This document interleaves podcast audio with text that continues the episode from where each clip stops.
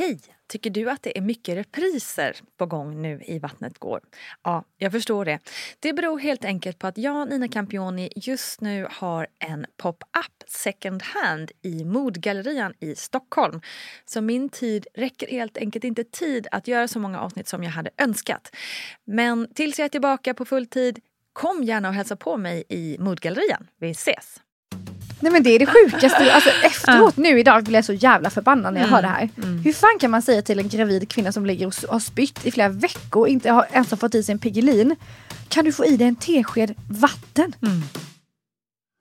Hej och välkomna till ett nytt avsnitt av Vattnet går, din podd om graviditet och förlossning. Så roligt att du klickade in till mig här just idag. Tusen tack för det. Hörni, vi går rakt på idag och presenterar veckans gäst som är ingen mindre än journalisten och influensen Johanna Blad som sällan ryggar för en debatt kring kvinnors kroppar och kvinnors rättigheter och det gillar vi ju. Det är ju viktigt. Johanna släpper snart sin egna bok Tjejbibeln som vi ser fram emot i vår. Men nu ska vi snacka om hennes graviditet och förlossning. Johanna delar med sig om det fruktansvärda som är hyperemesis gravidarum, alltså gravid illamående på riktigt fruktansvärda nivåer. Och självklart får vi höra allt om förlossningen. Välkommen allihopa, nu kör vi!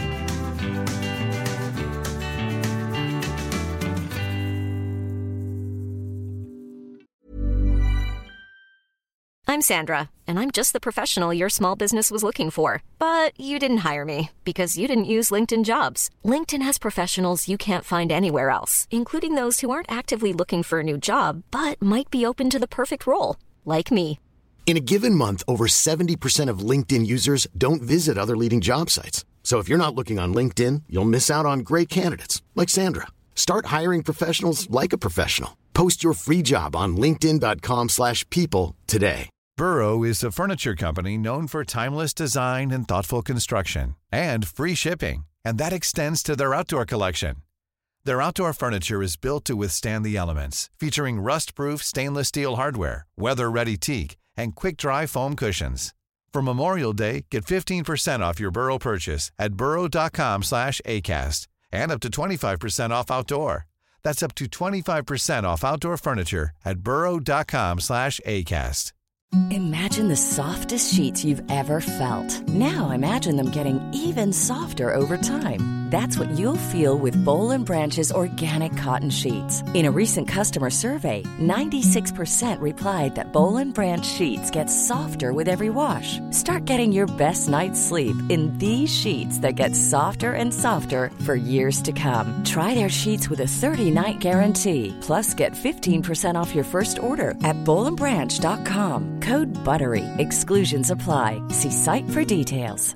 Quality sleep is essential. That's why the Sleep Number Smart Bed is designed for your ever evolving sleep needs. Need a bed that's firmer or softer on either side? Helps you sleep at a comfortable temperature? Sleep Number Smart Beds let you individualize your comfort so you sleep better together. JD Power ranks Sleep Number number 1 in customer satisfaction with mattresses purchased in-store. And now, save 50% on the Sleep Number limited edition Smart Bed for a limited time. For JD Power 2023 award information, visit jdpower.com/awards. Only at a Sleep Number store or sleepnumber.com. Hur såg du på eh, det här att bli mamma innan du liksom själv riktigt var där så att säga? Nej men eh, man har ju inte en jävla aning vad man ger sig in på. Alltså ursäkta. Jag hade ju sådana föreställningar av vad, hur det ska vara och hur det ska bli att bli morsa. Eh, och sen så bara är man här nu och bara, nej men snälla någon. Jag hade inte jävla aning. Vad var det? Kan du minnas något särskilt så som, du hade, som du tänkte att eh, det skulle vara? Nej, men jag trodde nog att det skulle vara mycket mer smooth. Ja. Alltså, alltså så här, att det bara skulle gå mycket lättare allting. Eh, än vad det faktiskt gör. Eh, men jag hade ju heller ingen aning om hur jävla fantastiskt det är de här ögonblicken när man bara så här mitt i en tisdags liksom eftermiddag möter sin unges blick när hon liksom typ men eh, har lärt sig öppna en bok för första gången på rätt håll eller vad det nu kan vara. Alltså det är så fint så att det är också en känsla som jag aldrig skulle ku- kunde föreställa mig innan. De små ögonblicken. Visst. Vad var du i livet när du kände att eh, det började bli dags för dig? Eller för er? Men jag eh, var ju så jävla stressad över den här biologiska klockan. Ah. Snälla någon. Jag var ju då eh, 28-29 och eh, har ju eh, sedan många år tillbaka fått en PCOS-diagnos. Vilket betyder att eh, jag har extremt oregelbunden ägglossning och mens. Eh, och det kan röra sig om att det går tre månader mellan eh, ägglossningarna. Men framförallt är det att man inte har en aning om det. när det här lilla, lilla ägget ska trilla ner och liksom möjliggöra en graviditet. Och jag hade ju läst då massa så här, men det är 30% chans att jag kan bli gravid om, jag, om vi ligger exakt på ägglossningsdagen och jag har liksom allting funkar och sådär. Eh, och jag bara, hur fan, hur ska jag kunna veta det? Jag har ju ingen aning om när ägglossning. Nej. Ska vi ligga varenda dag? Alltså snälla man blir utbränd bara tanken. Ja. Nej men stopp. Så jag insåg så här, det kommer vara, eller i mitt huvud, det kommer vara omöjligt för mig att bli gravid tänkte jag. Eh, och det gav ju en enorm stress så att jag egentligen hade jag kanske kunnat vänta lite granna. Men eh, jag har ju vetat hela mitt liv att jag vill bli mamma och eh, kände så här, nej men jag får bara sätta igång för det kan ta fem år liksom, för mig. Det kanske blir IV- IVF och hela, hela faderullan. Så där var väl vi och eh, såklart att min sambo var jätte eh, redo också och kände väl att så här, men vi kör och han var väl också med på det tåget att det kan ju ta lång tid. Ja, vad fasen ska man göra annars då liksom när man är i en sån situation och, och inte har någon aning som sagt? Eh, Nej men och lite så här, det hade väl varit asgött om jag hade kunnat planera när jag vill bli mamma. Så tror jag de flesta känner. Men för mig var det så här, men det är bättre att jag börjar nu och att jag faktiskt har tid på mig. För man måste också snacka om att det är en biologisk faktor med att vara kvinna och skaffa barn. Alltså när, hur långt, ja men med åldern. Oundvikligen är det så. Ja visst och eh, då kände jag, jag börjar närma mig 30, det här kan ta fem år, vill jag ha ett syskon, vad händer då? Det kanske inte går. Det kanske inte ens går med första då om jag väntar tre år till liksom. Eh, katastroftanke Johanna var igång igen. Eh, och då så blev det väl så här, ja, men vi, vi testar bättre att det blir lite när det blir än att det inte går alls. Låter ju ändå klokt får man väl säga. Även om det är en jobbig situation att känna den stressen såklart. Ja, det tror jag alla som eh, har känt den stressen någon gång kan intyga att det är inte så kul. Man är så jävla stressad. Ja, men exakt. Men du, hur gammal var du då när eh, du kissade på stickan? Då var jag ju 28, skulle precis fylla 29. Det var liksom några veckor innan min födelsedag. Innan jul var det förra året. Okej. Förra, nej, förra, förra året. Förra året blir det. Min unge är ett, snälla. Just det. hur kändes det då? Ja, Men det känns också som att det här året inte ens har varit. Alltså du hör ju, det känns som att jag kissade på stickan förra året. Bara, hur kan det ha gått två år sedan jag blev gravid? Det är helt sjukt. Nej men det blir ju lite så limbo med de här nio månaderna också. Att man, Ja, de är Det- bara borta. det är, som att ja, de har det är något eget på något ur, vis. Ur Det- mitt liv. ja. Nej men alltså hur det var när jag kissade på stickan. Mm. Ja alltså det var ju sjukt.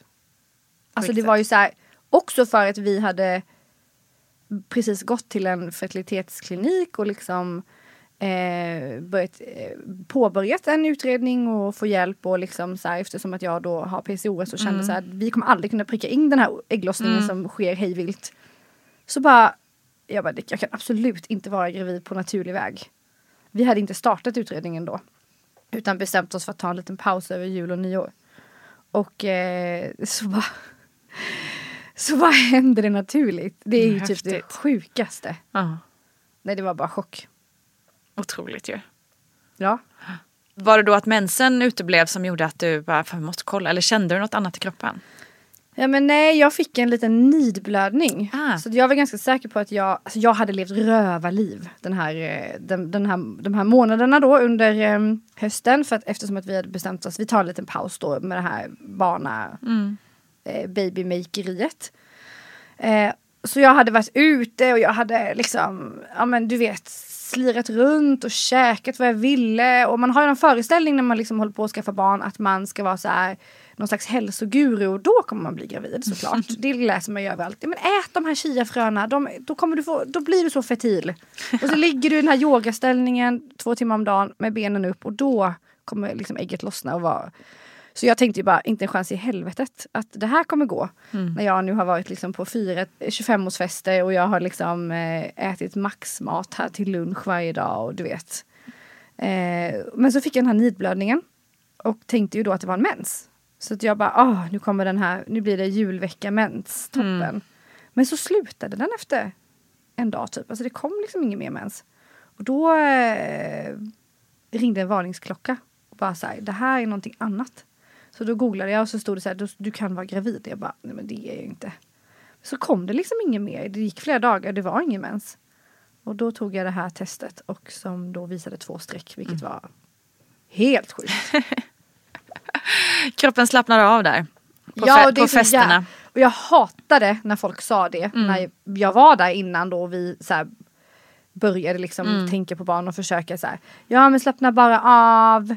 Ja, lev på. Mm. Ja, men jag bara, snälla sluta säga det till mig. Jag är svinstressad. Mm. Jag läser ju här online att chiafröna ska hjälpa. Och så säger du till mig att jag ska gå ut och, och inte äta chiafrön och Ja. bara leva på. Det är klart man inte kan göra det. Man vill ju bara optimera sina chanser så mycket som möjligt. Mm. Så jag liksom, ja, det tar emot att berätta den här Mm, historien jag fattar också. det. För att jag vet att det rådet är så jävla frustrerande för de Ja. som befinner sig där. Exakt. Det jag man förstår ju att det måste vara extremt provocerande att höra det. Någon som säger men bara slappna av, andas lite. snälla. Liksom. Men även, alltså, även professionen säger ju ändå det. Att det är ganska, och det säger vi ju under hela graviditeten, under hela förlossningen. I alla former av kris i livet egentligen så är det ju nästan alltid andetaget, liksom hitta av. avslappningen i kroppen som, lö, som löser biffen. Alltså jag säger inte att det är en, liksom, löser alla problem. Men så är det ju, eh, och det handlar ju inte bara om, om i, liksom, i graviditets... Eh, ämnet utan det är ju ett generellt sätt. Eh, som jag har gått omkring nu till exempel, nu blir det som att jag jämför det här med att skaffa barn, det gör jag inte. Men jag har haft en extrem huvudvärk och liksom så här migränigt och liksom jag bara, ah, men det är en hjärntumör, det är en hjärntumör. Det är en, alltså så här, jag bara, du vet. Ja. Du vet så. Och sen så bara kommer man till läkaren och bara slappna av. Du måste slappna av. Och så inser man ju då att det är spänningshuvudvärk och jag har gått hos kiropraktor och, känner- och så bara poff, okej. det, var, det var att jag var så spänd och liksom. Och så, så kommer blir det ju, alltså. Stress är ju vår största folksjukdom. Det är ju så. Det förstör allt. Ehm, Men hur fan ska man inte stressa då när man Nej, känner men så här, precis. jag är snart 30, men jag så har är precis OS, vi kanske inte kan få en unge liksom. Självklart. Min högsta önskan, det är skitsvårt. ja, Men, självklart. eh, Och det blir ju en lång omskrivning här av mitt resonemang som är helt fel. Men, men liksom just bara den, alltså den här provocerande kommentaren slappna av. Vilket ju är, jag fattar ju det att det är jätteprovocerande.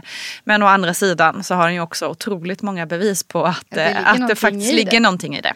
Det var dit jag ville komma. Visst, ja men och, jättesant. Och jag skulle bara säga att alltså, mitt enda råd då är så här att kanske då bestämma som, som för oss då att vi bara nu tar vi en paus över jul och nyår eller exakt. över, under en, Mm, en begränsad tidsperiod. För det kan också hjälpa i huvudet så här, ja, men vi pausar över sommaren Mm. eller vi pausar i sex månader. Sen börjar vi försöka igen. Mm. För då kan man ändå i huvudet tänka så här, okej jag har inte skitit i det här. Nej, jag precis. kommer liksom jag kommer ta upp eh, alla mina chiafrön men jag gör det i första oktober eller första Mm. april. Alltså, Och då kanske man då under tiden fram till det kan svina runt och äta precis vad man vill och göra vad man vill och ligga utav bara helvete. Och försöka släppa tanken en liten stund. Liksom. Ja visst, visst. Men, Om det går. Ja visst, men ligga måste man ju göra. Mm. Så det får man ju liksom eh, se till att ligga i.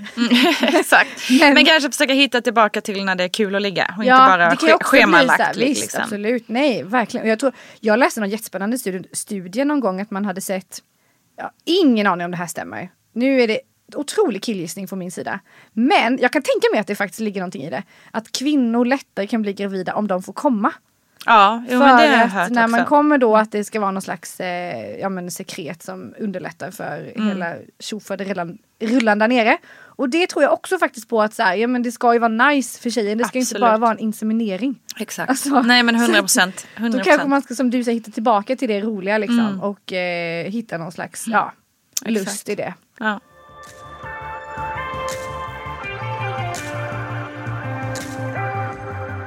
Du mådde ju inte jättebra under din graviditet. Började det redan från början eller hur, hur, hur, hur var det från början? Eh, men jag blev ju typ vecka tre sjuk. Mm. Eh, alltså så här vanlig typ förkylning men eh, det, jag vet inte, jag har också hört många andra som, som att man får sämre immunförsvar precis i början och att man kan liksom eh, gå ner sig lite. Så det var, då var jag liksom ashängig. Och var, eh, liksom, jag kommer ihåg att jag låg inne på nyår och bara så här, var helt sänkt för man blir så trött också ju. Och så boom följdes det av vecka fem, åh, kan det vara sju någon gång i alla fall, illamåendet Mm. som kom alltså över en natt. Och det var ju illamåendet som är alltså en, en riktig magsjuka. Så alla som har haft ett sånt riktigt gravid illamående vet vad jag pratar om. Jag låg i ett mörkt rum med gardinerna nere med huvudet i en spann. Mm. Alltså eh, kanske tre, fyra månader.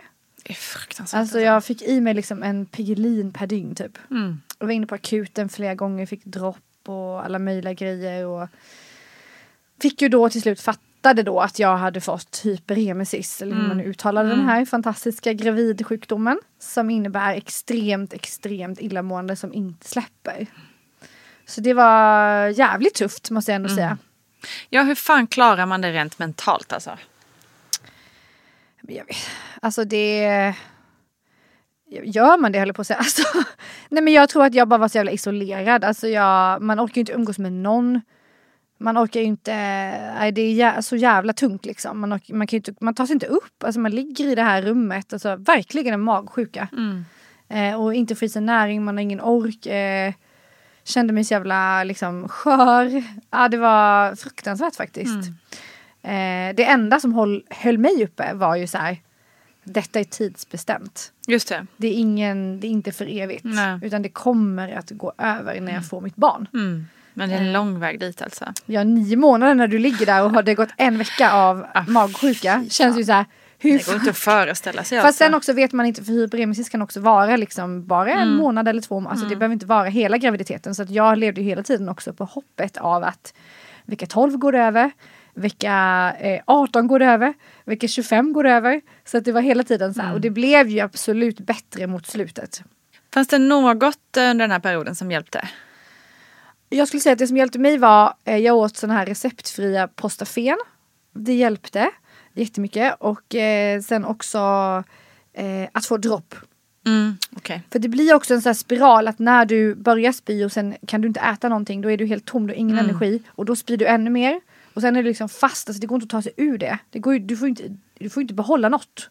Så då måste man in till sjukhus och få dropp och få liksom upp sina sockernivåer och allting. För att kunna äta. Så att du kan behålla, så att, eh, jag skulle åkt in mycket tidigare eh, än vad jag gjorde. Men jag, ja så det är mitt råd till alla som... Det är ju en bra inblick i det för det där är ju också så väldigt vanligt att vi kvinnor eh, drar ju oss för att söka hjälp eh, i många fall. Eh, vi är bra på att eh, det- är bara lilla jag liksom. Inte ska Men, väl jag störa Nej, sjukvården men och- eller vad nu kan vara. att när jag ringde 1177 så sa ju de på riktigt till mig Nina. Mm. De sa så här, de bara Okej men har du provat och ta en tesked med vatten och så tar du, ser du om du kan få i dig några teskedar vatten. Okej. Jag bara, men vänta Tack. stopp! Tack för hjälpen. Nej men det är det sjukaste. Alltså, efteråt nu idag blir jag så jävla förbannad när jag hör det här. Hur fan kan man säga till en gravid kvinna som ligger och har spytt i flera veckor och inte har, ens har fått i sig en Piggelin. Kan du få i dig en tesked vatten? Nej men stopp, alltså vadå? Det spelar väl ingen roll om jag får i mig två teskedar vatten. Jag ska väl åka in och få hjälp ändå. Verkligen. Alltså jag Verkligen. blir så arg att man typ Ja. också förväntar sig att gravida kvinnor ska liksom gå igenom och stå ut med bara ja men hon är gravid, Ja. det är så det är. Ja. Nej det är inte så det är. Alltså, Nej, och det är ju det stora problemet eh, också generellt sett att, vi liksom, att det finns så lite forskning på, på allt med kvinnokroppen. Eh, Ja. Och då finns det inte så mycket hjälp heller att få. nej det finns ingen forskning på, på hyperemesis mer än att eh, vissa säger att B-vitamin ska hjälpa. Man kan få det utskrivet i starka doser och lite sådär liksom men eh, Ja det är sjukt. Ja, fy fan. Forskas det något överhuvudtaget på det här med hyperemesis gravidarum eh, och saker som kan underlätta för kvinnan som mår riktigt, riktigt illa? Ja, nej, men det här har jag verkligen kollat upp både med, med de som jobbar i branschen, på läkarna och bland barnmorskor och letat. Och det känns inte som det är någonting som man är så himla mycket och forskar på utan man bara har konstaterat att det här är från det vanliga graviditetsillamående som vi kallar, kallar det för till, till hyperemesis, alltså där kvinnan då inte kan i princip få behålla någonting så att, och som blir då ett allvarligt eh, tillstånd. Och vad man nu, nu ska eh, göra kring det här, det är väl till att börja med att, att eh, så vet vi att det här att på morgonen att äta någonting lätt i alla fall och inte kliva upp och sedan är små äta under dagen och så vidare. Så att det, det är väl bra. Man vet också att mot sånt här illamående så ger man vitamin och B6 eller det finns olika vitaminer som, som man kan ge då i tablettform eller injektionsform. Alltså det finns ju inga studier som visar på om det är bra eller inte och eh, hjälper det så hjälper för det är ingenting som är farligt. Eh, sen så vet vi också att vi har åksjukebandet mot illamående. Det finns inga studier och det är väl ja, hjälper det hjälper. Vi har ju det här med placeboeffekten som är 30 procent så tror man riktigt mycket på någonting så, eh, så hjälper det. Däremot akupunktur vet jag många kvinnor har haft bra hjälp av måste jag säga. Faktiskt som jag var väldigt skeptiska till att börja med men jag har nu träffat fler. Sen är ju de här kvinnorna då som verkligen inte får behålla någonting och då ska man ju söka hjälp hos sin barnmorska på, på sin barnmorskemottagning som kommer med de här olika råden. Men är det annars så blir man ju inlagd på sjukhus. Och på, då blir det på en gynekologavdelning som man ligger och där man får då transfusion med vätska och näring och sådana saker som man behöver. Men det här är ett väldigt tufft tillstånd så att säga. Det är viktigt det här att man har koll och söker hjälp i god tid och inte väntar tills man är helt uttorkad och så vidare. Men borde det inte vara, och nu fråga efter din personliga åsikt. Jag hör ju ofta i det här att det är väldigt många som mår väldigt, väldigt illa. Eh, borde man inte tycka att det kan finnas ett intresse att hitta någonting, ett litet piller eller något som kan hjälpa? Ja, det finns ju, det finns ju läkemedel som man ger också. Typ, men då, då är det åksjuketabletter, typ Postafen eller Lergigan som, som man ger.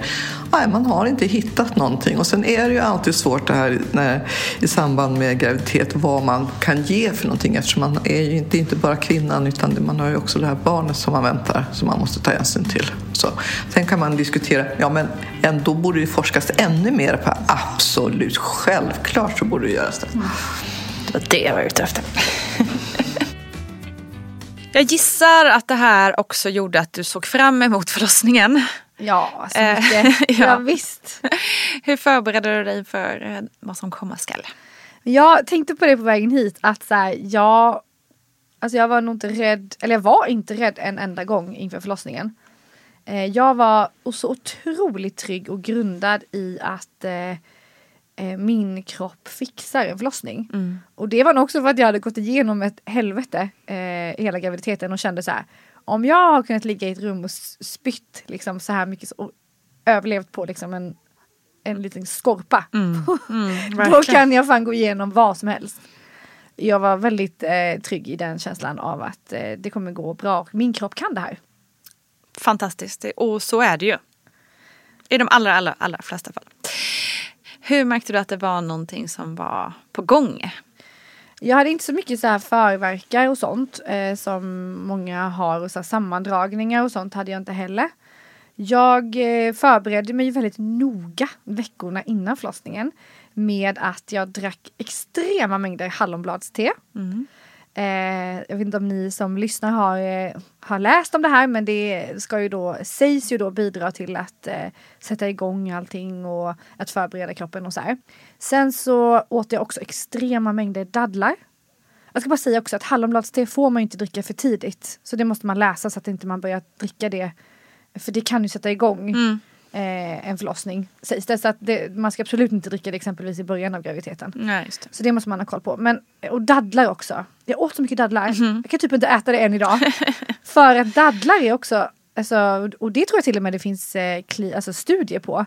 Att dadlar hjälper till att mjuka upp cervix och förbereda jättemycket nere i, i hallongrottan inför mm. förlossningen. Och jag åt flera stycken liksom varje dag för att det här skulle hjälpa. Och sen så testade jag också eh, nattljusolja. Okay. Mm. Och det är också en metod som jag hörde många av mina vänner använda. Där man då dels äter eh, oljan i små kapslar och stoppar upp mm. eh, där nere för att också mjuka upp då. Mm, det. Eh, så det gjorde jag ju, jag hade lite svårt med nattljusoljan för den, oh vad den luktar hö alltså. Ja just man det, den luktar lite illa. som en liten ja. kossa. Och jag som ändå var lite illamående hade lite svårt för den. Ja. Men, men de här tre grejerna eh, gjorde jag och det förberedde nog också mig mentalt att jag kände att jag ändå kunde göra någonting, alltså rent praktiskt. Annars kan man ju bara gå runt och känna så här, jag är maktlös inför när det ska starta, jag vet inte när det händer. Men jag kände typ att jag hade lite kontroll då. Mm. Sen vaknade jag då på natten. Ofta börjar ju verkarna på natten och det är för att man är avslappnad. Eh, och då vaknade jag och kände att eh, en ny ty eh, typ av smärta. Jag hade nog bara känt den här ilande smärtan tidigare. När barnet liksom trycker ner huvudet Mm. och fixerar sig. Då kan det bli en ilande känsla, näs- nästan som att ja, det ilar i hela underlivet. Den typen av smärta hade jag haft ganska mycket innan. Men nu var det verkar som satte igång, liksom, jag kände det tydligt. Och hur, eh, hur liksom kring, alltså var det före BF, efter BF eller vad? Det var efter BF. Och jag tycker att BF är så problematiskt. Mm. Alltså jag måste ändå bara säga det. Det är så sjukt att vi går till en människa i ett eh, sjukhusrum som säger så här. Jaha du är gravid, okej du ska föda den så här 27 augusti nästa år. Man bara, hur fan kan du veta det? Alltså hur kan, våra kroppar är absolut inte liksom likadana. Hur kan vi veta att det ska vara exakt på dagen? Det är typ nästan klockslag. Ja, nej, det säger de väl aldrig. det, är så, Det känns så. Nej, men det är Det också känns väldigt ju- tydligt att det är cirka 5% som faktiskt föder på BF. Så det är väldigt få som gör det och det tycker jag nog ändå att läkarvården är rätt tydliga med. Att BF är bara ett uppskattat liksom, datum. Det är ju inte en men sanning. vad händer sen då när man går hem med det Mm. här datumet i huvudet? Det som händer är ju att alla gravida har ju det här datumet och typ klockslaget Så är det ju såklart. Ja. Visst att ja, absolut läkarvården är tydliga med att så här, det kan bli lite hur som helst. Men det blir ändå mentalt. Mm. Den 27 augusti klockan åtta ska jag föda. och när det då går, när det då går liksom en timme, två timmar, två dagar efter det så är folk så stressade. Man Mm. blir så stressad för man bara så här. Jag skulle ju ha fött, vad är barnet? Alltså, och man säger, jo men det blir Tycker du Jag att man kände blir så. stressad över det? Jag kände så. Ja. Mm. Absolut, 100 procent. Eh, abs- jag kan inte tala för alla. jag generaliserar grovt. Men jag, säger, det, jag tror att, eller för mig blev det väldigt mycket en stress i alla fall, att det här datumet. Okej. Mm. Det är ju verkligen, och det kan vi ju poängtera extra mycket nu då eftersom vi nu pratar om det, att det är ju som sagt bara 5% som faktiskt föder eh, på just det här BF då. Och det är ju en, en, en väldig uppskattning som också kan ändras flera gånger under graviditeten när man liksom mäter och så vidare. Och ehm, att gå över tiden är ju otroligt vanligt. Det gör ju ändå eh, väldigt, väldigt många av oss. Eh, Men man ser ju i BF-grupper att folk skriver så här, jag har gått över tiden, jag vill bli, bli igångsatt nu. Så det, alltså det finns ju ändå någon typ av stress Mm. Ja men det tror jag, jag tror också att det är många som, alltså antingen kan man känna stress så som du gjorde. Eh, men sen kan man också känna eh, att man bara, åh, jag är så färdig med det här. Och det, den tror jag kanske ännu mer liksom. Att det kan man ju, många som känner redan kanske i vecka 35 liksom. Att bara, åh, inte en dag till, jag pallar inte en dag till. Alltså den känslan. Och då gör 12. ju, då tror jag, ja det gud din stackare för fasen. Då tror jag också att det här BF-datumet blir en extra så här eh, målbild liksom att åh, det är liksom bara det här kvar. Och sen då blir, och, och efter det då då blir ju inte ut. varje ny sekund blir ju, precis exakt. Så det tror jag verkligen kan bli, eh, vara mentalt kämpigt liksom. Ja för, det, för mig gick det ju kanske en vecka efter BF. Mm. Eh, när jag födde. Men jag var också stressad över faktumet att man blir igångsatt om det går mer än, vad är det? Det är olika i alla regioner men två Mm. veckor eller en vecka efter BF. Det tänkte jag fråga också, det var aldrig snack om liksom, att sätta igång dig tidigare eftersom du mådde så illa. Jo, det, jag fick ju frågan från Mm. vården men eh, eftersom att jag är väldigt noga och var väldigt noga med att jag vill att det ska vara att min kropp ska få göra det på sitt sätt så naturligt. Nu säger jag naturligt men jag vet att många kanske tycker det är provocerande om man använder det ordet men jag vet inte vad man annars ska, Nej. hur man ska uttrycka det men jag menar att jag vill inte ha några medicinska ingrepp i så lång utsträckning som möjligt. Så därför så vill jag absolut inte bli Mm. Igångsatt. Mm. Det var min vision och min bild. Exakt. Mm. Ja, så då är vi en vecka efter BF ungefär. Sa du. Ja. Och då börjar ju de här verkarna på natten. Sen på dagen är det ganska lugnt. Sen så när det är nattetid och, och mörkt och lugnt, mycket oxytocin i kroppen. Då är de igång igen de här verkarna och eh, bli, är väl ändå ganska intensiva. Alltså i den mån att jag måste ändå ha TENS. Mm. Det är ju en sån här elektroder du kan sätta fast på ryggen eh, för att liksom hjälpa till med smärtan. Och eh, jag badade jättemycket och sådär men de kom inte så ofta verkarna. De kom liksom inte så här, vad är det? Tre verkar på tio minuter ska man ju ha för att man ska få komma in till sjukhuset eller till, till BB. Så jag ringde in flera gånger och var så här, för dagarna gick ju. Mm. Och plötsligt så hade det gått tre dagar, fyra dagar med de här verkarna. Och började komma även på dagen och verkligen så här, alltså de var intensiva och jag bara ringde, ska jag komma in? Liksom var, nej nej. Så länge du inte har tre verkar på tio minuter. Och det är också det här, det stör mig lite att vi är så jävla mallade i de här. Allt ska vara exakt på något sätt. Men enligt en mätsticka. Och är du inte där så liksom får du inte komma in då exempelvis. Eh, och sen till slut på femte dagen, då har jag alltså haft verka i fem dagar. Alltså rikt, och det har varit alltså ordentligt liksom. Så ringer jag till den här förlossningen och bara Nu kommer jag in! Jag skiter i om jag inte har tre verkar på mm, sju sekunder. Jag ska in! Ni får ta emot mig nu. De bara ja, ja, kom in då. Och så kom jag in och då eh, möts jag av en sköterska. Då har jag varit också, ska jag säga, på, på sjukhuset tidigare och gjort en förlossningsplan eftersom att jag har haft en så jobbig graviditet. Där jag har varit väldigt noga med att uttrycka att jag vill absolut inte bli igångsatt eller ha några som, ja, men medicinska så, påtryckningar utan jag vill att min kropp ska få göra sitt eget jobb. Då möts jag av en sköterska som undersöker mig och säger att jag är fem centimeter öppen. Jaha, wow. Så det är fantastiskt. Ja. Min, jobb, min kropp har gjort otroligt Ja, jobb de här verkligen. fem dagarna hemma. Men hon säger också så här. eh, Du har haft verka i fem dagar. Din kropp är helt slut. Mm, du måste sova lite. Nej, hon säger så här. Du kommer inte orka en förlossning. Jaha, men Eh, så hon säger liksom typ mer eller mindre så här. Det vi måste göra nu är att vi måste eh, ta ditt vatten, alltså hinnorna, så att vattnet går.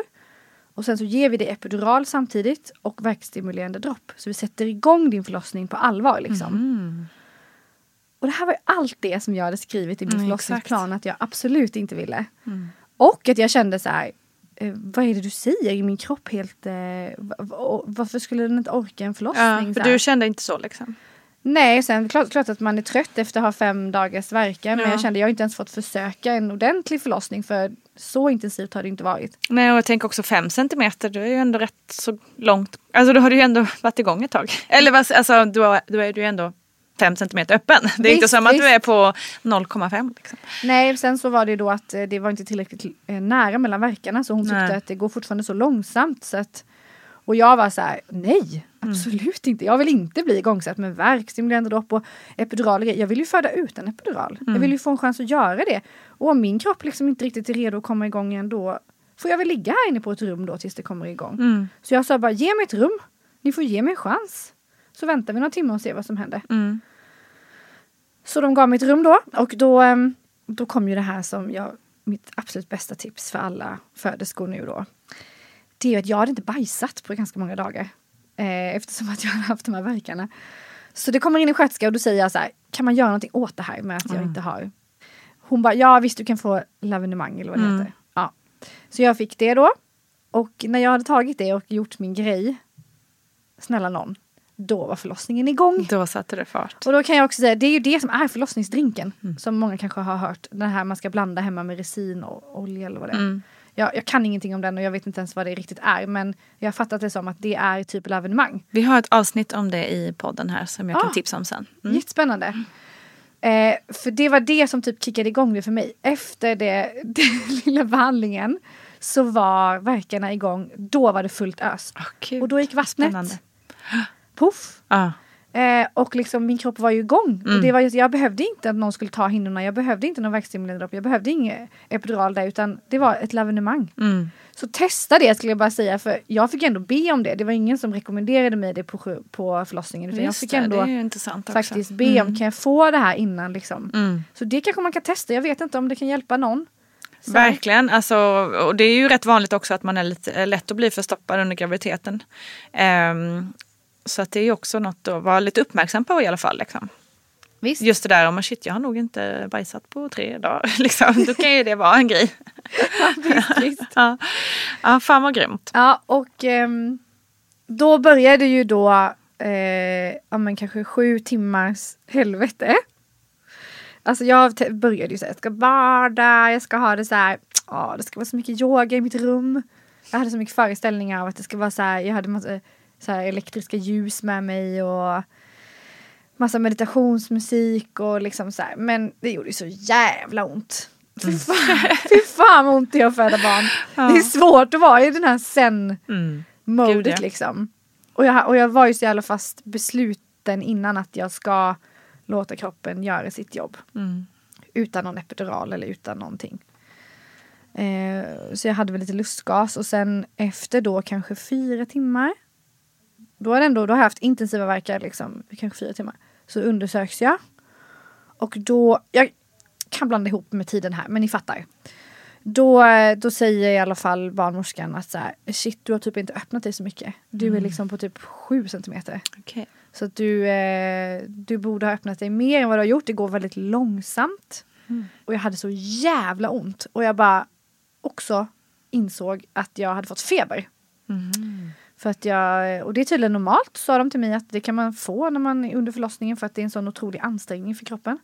Men det gör ju också att man blir så jävla matt och såklart. slut liksom. Och jag hade haft de här fem dagars verkar innan. Och så är jag där inne och bara så här, nu är det verkligen igång och det är så ont och jag bara så här, det enda jag, får, eh, jag, kan, jag kan ha är lustgas och så får jag höra eh, du har knappt öppnat dig, det kommer ta liksom sju timmar till. Och då, där och då så säger jag ju så här. Ge mig den där jävla epiduralen. Ja. Nej men för jag bara kände så här. Känns rimligt. Sju timmar till av det här, så Mm. jag, jag fixar inte med feber och liksom allt. Och ja, det var så jobbigt beslut Nina. Mm. För jag var så jävla liksom så här bestämd, bara, jag vill göra det utan för att jag vill så gärna uppleva allting 100%. Och jag grät och ringde min syster och bara Ska jag ta den här epiduralen? Mm. Och hon bara, ja men gör det nu då, liksom herregud, folk gör ju det hela tiden. Liksom du ska ju ändå ha en bra upplevelse i det stora hela. Jag var så jävla rädd att så här, åh det kommer, jag kommer få biverkningar, huvudvärk, allt vad man har hört. Mm. Men jag bara, okej, beställ den här jävla epiduralen och hämta läkaren. Så han kommer in, den här eh, narkosläkaren. Eh, börjar liksom sprita hela min rygg så här. Jag ligger där med verkarna och han bara liksom tar fram sina nålar och jag bara känner så här nu, smärtlindringen är nära. Jag bara kände så här och bara, ni vet, känslan av att så här, nu snart kommer, det, kommer jag få en paus i den här fruktansvärda smärtan som jag har. Eh, håll ut gärna bara någon sekund till. Och så börjar han sticka då i ryggen så här. Han bara, gör det här ont? säger han. Jag bara, ja det gör ont. Eller det, är så här, det känns liksom där du, stick, där du trycker och sticker. Han bara, mhm. Så testar han igen. Så sticker han lite. Gör det här ont då? Eh, ja, ja det känns också, det känns inte alls bra typ. Så håller han på skitlänge typ. Jag bara, vad fan håller han på med? Kan han bara ge mig epiduralen? och till slut så bara, alltså det har gått så lång tid och jag bara ser på folks ansiktsuttryck i rummet så här, någonting är inte som det ska. Mm. Eh, och så blir det så här tyst. Och så säger han bara, eh, jag tror att du har en nerv som ligger i vägen. Så att eh, jag kan inte, jag vågar faktiskt inte sätta epiduralen på dig. Ah, nej. Eh, för att om jag gör det och du har en nerv så kan du typ bli förlamad. Okej, ja, nej, det vill man Eller ju något inte. sånt där, du vet han. Och jag bara, ehm, är du allvarlig med mig nu? Ja. Alltså, alltså jag har epidural, jag har smärtlindringen inom räckhåll.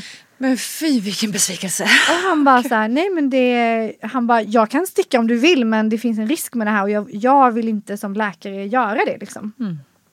Man kan ju inte argumentera mot en läkare. Nej, gud inte ett sånt. Nej, fy fasen. Usch. Eh, så jag var så här, hä? Får sätta mig upp och han bara, jag är hemskt ledsen Johanna. Jag har stuckit på så många kvinnor, jag har typ aldrig varit med om det här men jag, jag är orolig för att det finns en nerv här och, jag, och det kan vara så att det går bra och att vi sticker, att det funkar men jag vill inte ta risken. Nej. Och jag bara, nej självklart ska vi inte göra det typ. Så går han ut ur rummet och jag bara, Usch. What the fuck hände precis? Vad är det som har hänt? Och jag bara sitter där på den här bänken och tittar på barnmorskan och bara Okej, vad har vi för alternativ? Vad finns det för, mer för smärtlindring? Hon bara Lustgas. alltså det var så sjukt. Alltså det var så sjukt när jag ändå hade liksom beslutat mig för detta. Ja, exakt. Jag bara kände så här, okej, jag fixar inte sju timmar till av, eh, av den här smärtan. Vad, vad gör jag? Och det finns ingen återvändo när du ska föda barn. Mm. Nej, det alltså det det går inte att säga så här, stopp, okej, jag, jag Vi hoppar tar en av. liten paus här, några, Jag några hem. dagar. Nej men det går ju inte. Alltså, Nej. det är så här, kroppen är igång, den ska föda liksom. Mm. Då ska jag säga till alla som lyssnar på det här och är, eh, kanske är livrädda att det ska hända en själv då, att det är extremt, extremt, extremt Mm. ovanligt. Alltså det är verkligen. Men det händer ju obviously. Eh, det är inte kört för det. Det är inte så att man kommer liksom att man kommer dö för att man inte får en epidural. För att jag fick ju då eh, enda alternativet för mig var att föda utan Mm. epidural. Som jag hade önskat från början. Just det. Så sjukt. Ja. Och det gick jättebra. Alltså det var en fantastisk förlossning. Och jag är i efterhand glad att detta hände mig. För att jag fick ju den förlossningen som jag ville ha. Jag ville ju ha en förlossning med bara lustgas. Och det fick jag ju. Och det som hände då var att eh, barnmorskorna var så otroligt bra. Så att eh, de eh, sa ju så här, nu, nu ska vi få dig att föda snabbt. Liksom. Nu, får vi, nu får vi spida på det här lite för att du är skittrött. Eh, men ungen ska ut och hon ska ut genom benen på dig. Så att vi får liksom göra allt vi kan. Så då fick jag verkstimulerande dropp. Jag fick eh, akupunktur eh, med nålar som eh, eh, de satte i benen överallt på mig för att liksom stimulera max verkarna. Ah, Okej. Eh, och så fick jag också en liten hinsvepning och så under tiden. Så efter det här ögonblicket med att eh, läkaren hade försökt sätta epiduralen så tror jag det tog tre timmar eller någonting. Sen var hon ute. wow. Så det var inga sju timmar kvar. Nej. Eh, tack vare att vi speedade upp så mycket. Och det var ju pissjobbigt för jag hade ju så mycket verkar sista timmarna då eftersom att vi, dro- vi verkligen stimulerade mig till max Det på var alla sätt. power work där då. Ja visst, men jag kan säga så här, alltså man fixar det. Och jag hade feber under hela tiden och jag var helt slut och jag hade bara nerv och lustgasen. Men jag fixade det. Och du som lyssnar på det här, alltså du kommer fixa precis vad som helst. Din kropp och vi kvinnor, helvete vad vi kan. Alltså jag kan säga så här, jag trodde inte där och då när läkaren sa du får ingen epidural, att jag skulle fixa det. Jag gjorde det. Och jag är så glad liksom att jag hade den, eh, men, eller vadå hade den styrkan, jag kunde inte ge upp. Alltså man kan ju inte ge upp när man Nej men det är ju ändå en otrolig seger liksom. Både för dig själv. Eh, att liksom bevisa att fan jag fixar det här. En otrolig utmaning och jag fixar det. Eh, men också generellt liksom. Att fan vi klarar. Vi klarar så sjukt mycket. Ja men och det som jag verkligen bara vill skicka med alla när man, det enda, alltså, man kan tänka när man ligger där och bara eh, det här gör så jävla ont. Jag kan, man tänker ju så här, jag kan inte, jag kan inte, jag kan inte, det går inte. Det är absolut det man inte ska tänka. Men man gör ju det när man ligger där för det gör så fruktansvärt ont och man känner så här, jag har aldrig upplevt någonting liknande än det här. Och jag hittar ingen väg ut, jag vet inte var jag ska ta vägen. Så känn, kände jag i alla fall när jag låg där i denna smärtan. Eh, det är bara att komma ihåg, man får be sin partner eller barnmorskan att påminna en att så här, du behöver inte göra någonting. Du behöver inte göra någonting. Du behöver inte tänka så här, jag kan inte, för det finns ingenting att kunna. Du ska bara härda ut. Du ska bara ligga där på den här britsen och bara liksom stå ut. Så skit i de här tankarna av att jag kan inte. För du liksom, som sagt, det är ingenting du ska kunna. Det vill jag verkligen bara säga. Så var det ju. Jag fick ju bara härda ut de sista, sista tre timmarna. För min kropp gör ju, gjorde jobbet själv. Man ska inte trycka för en sista, liksom, absolut sista, sista, sista kryssningarna. Man ska bara härda ut. Det är det som är en förlossning. Och det kan du. Och det kan kvinnor. Det kan... är det något vi kan?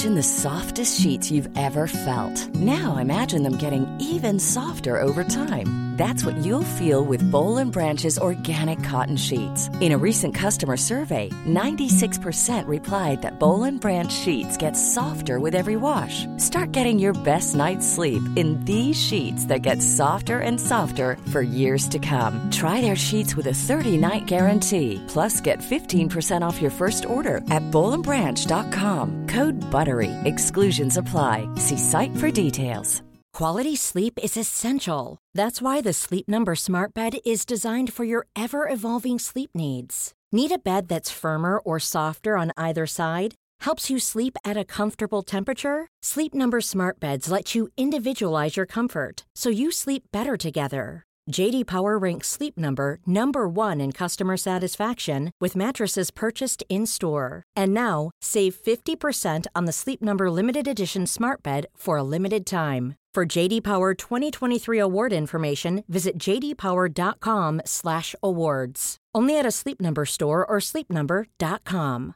A lot can happen in the next three years. Like a chatbot may be your new best friend. But what won't change? Needing health insurance. United Healthcare Tri Term Medical Plans are available for these changing times.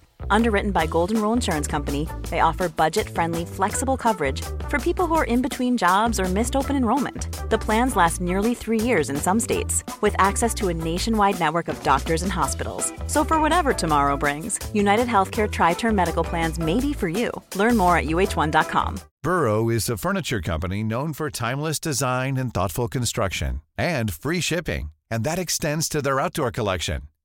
Their outdoor furniture is built to withstand the elements, featuring rust-proof stainless steel hardware, weather-ready teak, and quick-dry foam cushions. For Memorial Day, get 15% off your Burrow purchase at burrow.com slash ACAST and up to 25% off outdoor. That's up to 25% off outdoor furniture at burrow.com slash ACAST. I'm Sandra, and I'm just the professional your small business was looking for. But you didn't hire me because you didn't use LinkedIn jobs. LinkedIn has professionals you can't find anywhere else, including those who aren't actively looking for a new job but might be open to the perfect role, like me. In a given month, over 70% of LinkedIn users don't visit other leading job sites. So if you're not looking on LinkedIn, you'll miss out on great candidates like Sandra. Start hiring professionals like a professional. Post your free job on linkedin.com/people today.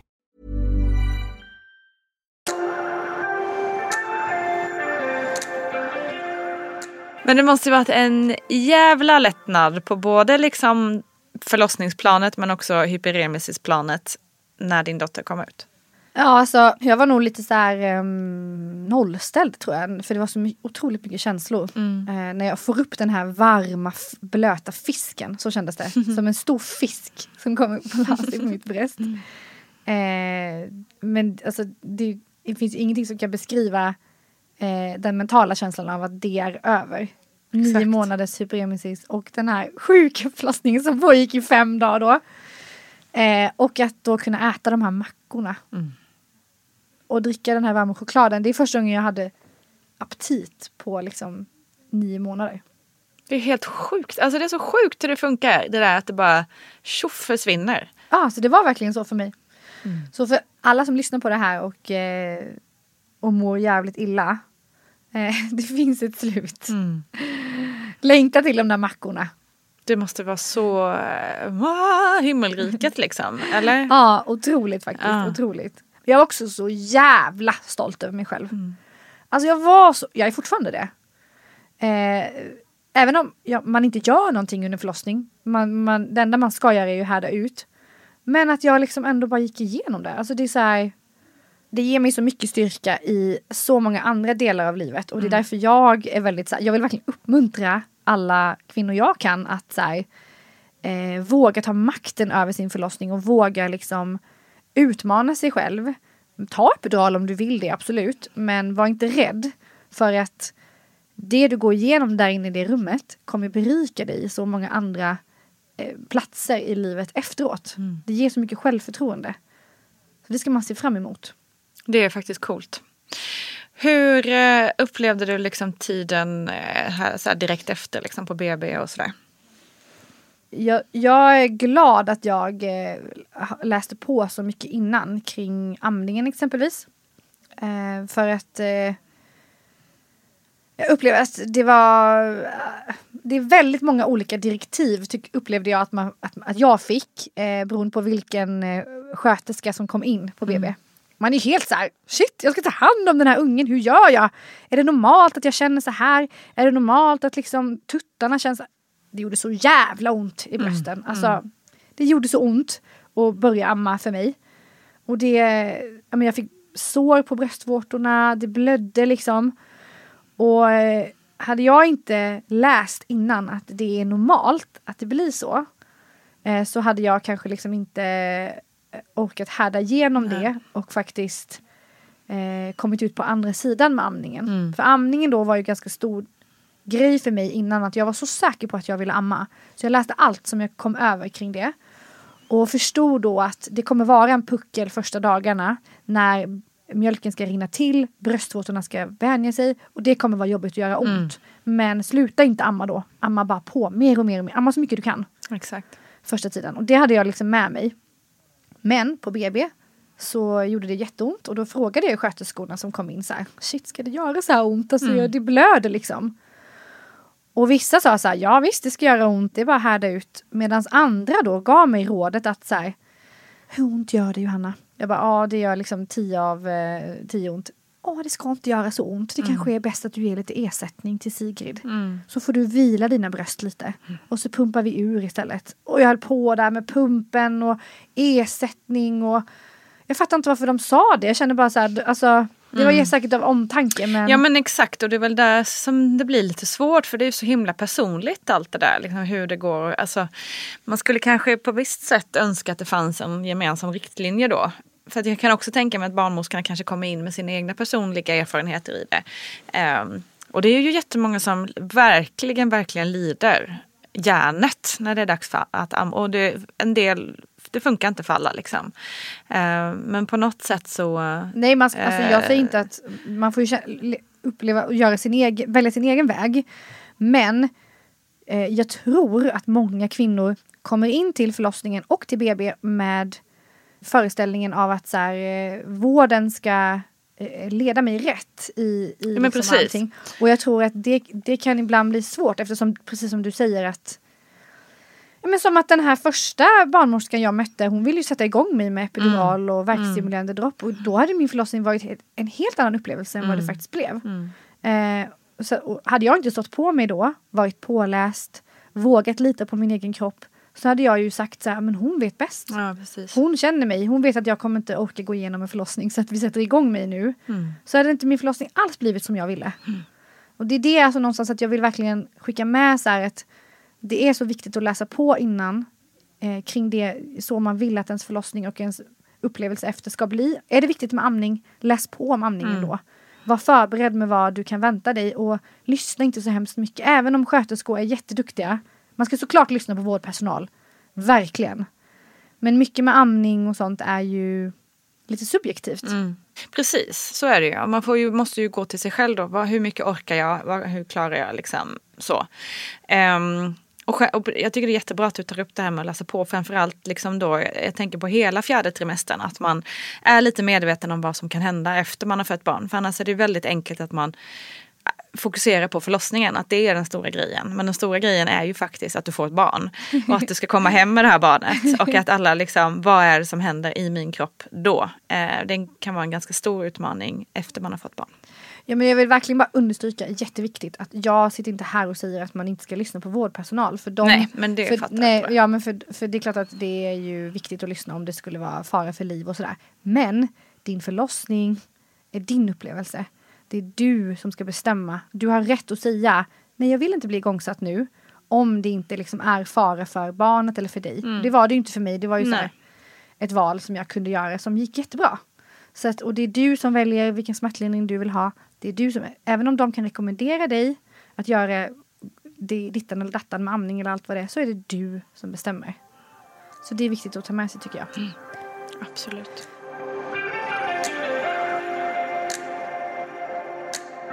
Är det något annat som du känner, nu har du ju kommit med många fina tips och så tankar under programmets gång, men är det något annat som du har tänkt att du vill så här, poängtera för de som eh, är gravida och lyssnar på det här just nu?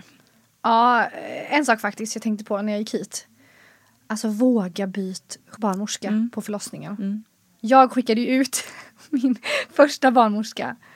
För jag kände så här, nej men alltså den här personen ska liksom vara med mig i det absolut största ögonblicket i mitt liv. Ska ta, liksom, vara ner och rota i mitt underliv.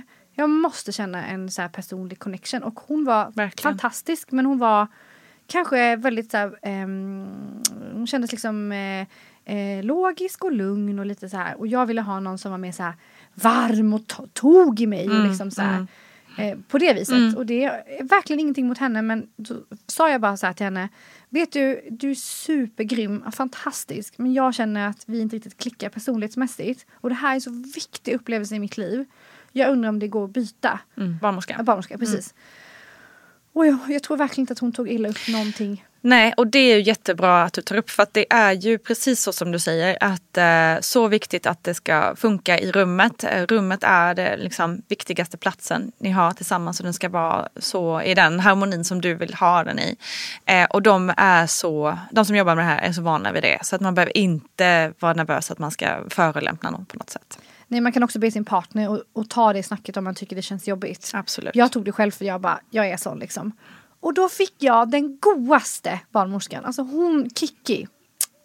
Älskade Kiki, alltså, och det kommer jag alltid komma ihåg ju. Mm. Jag kommer alltid bära med mig Kiki i hjärtat. För att hon var också den som liksom, det kan ju hända allt möjligt under förlossningen som för mig, att jag inte kunde ta epiduralen och allting. Och då var det ju hon som någonstans, Mm. det är ju vi tillsammans som tog oss över den här pucken och fick ut ungen. Det var ju hon som bara, nu, nu leder jag dig, nu kör vi liksom den här akupunkturen och värkstimulerande dropp och Mm. allting. Och jag litade 110% på henne. Och nej men så fint, så fint, så fint. Så våga byta eh, barnmorska om du känner det. Det är jätteviktigt. Mm. Super. Tusen tack Johanna. Tack. Tusen tack Johanna Blad. Missa inte Johanna på Insta och är du väl där inne så kliv över även till Vattnet går och häng med oss där.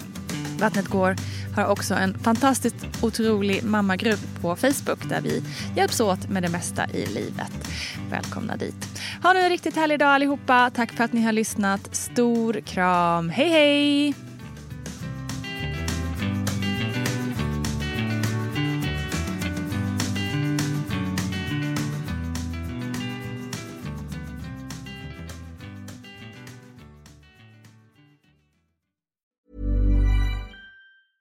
Planning for your next trip?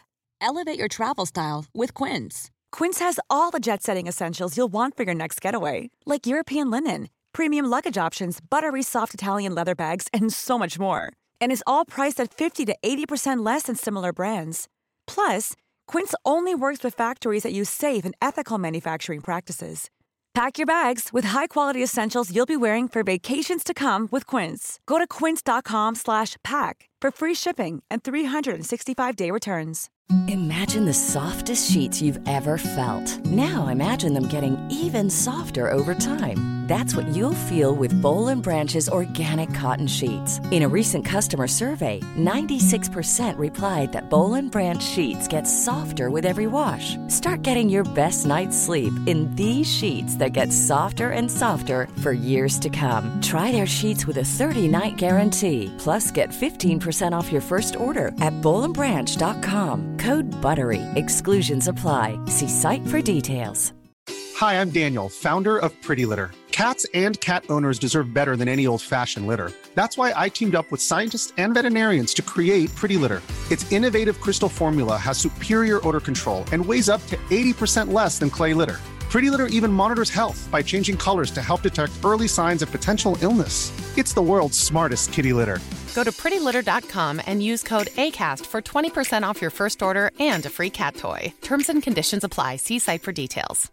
Mom deserves the best, and there's no better place to shop for Mother's Day than Whole Foods Market. They're your destination for unbeatable savings, from premium gifts to show-stopping flowers and irresistible desserts. Start by saving 33% with Prime on all body care and candles. Then get a 15-stem bunch of tulips for just $9.99 each with Prime. Round out Mom's menu with festive rosé, irresistible berry chantilly cake, and more special treats. Come celebrate Mother's Day at Whole Foods Market.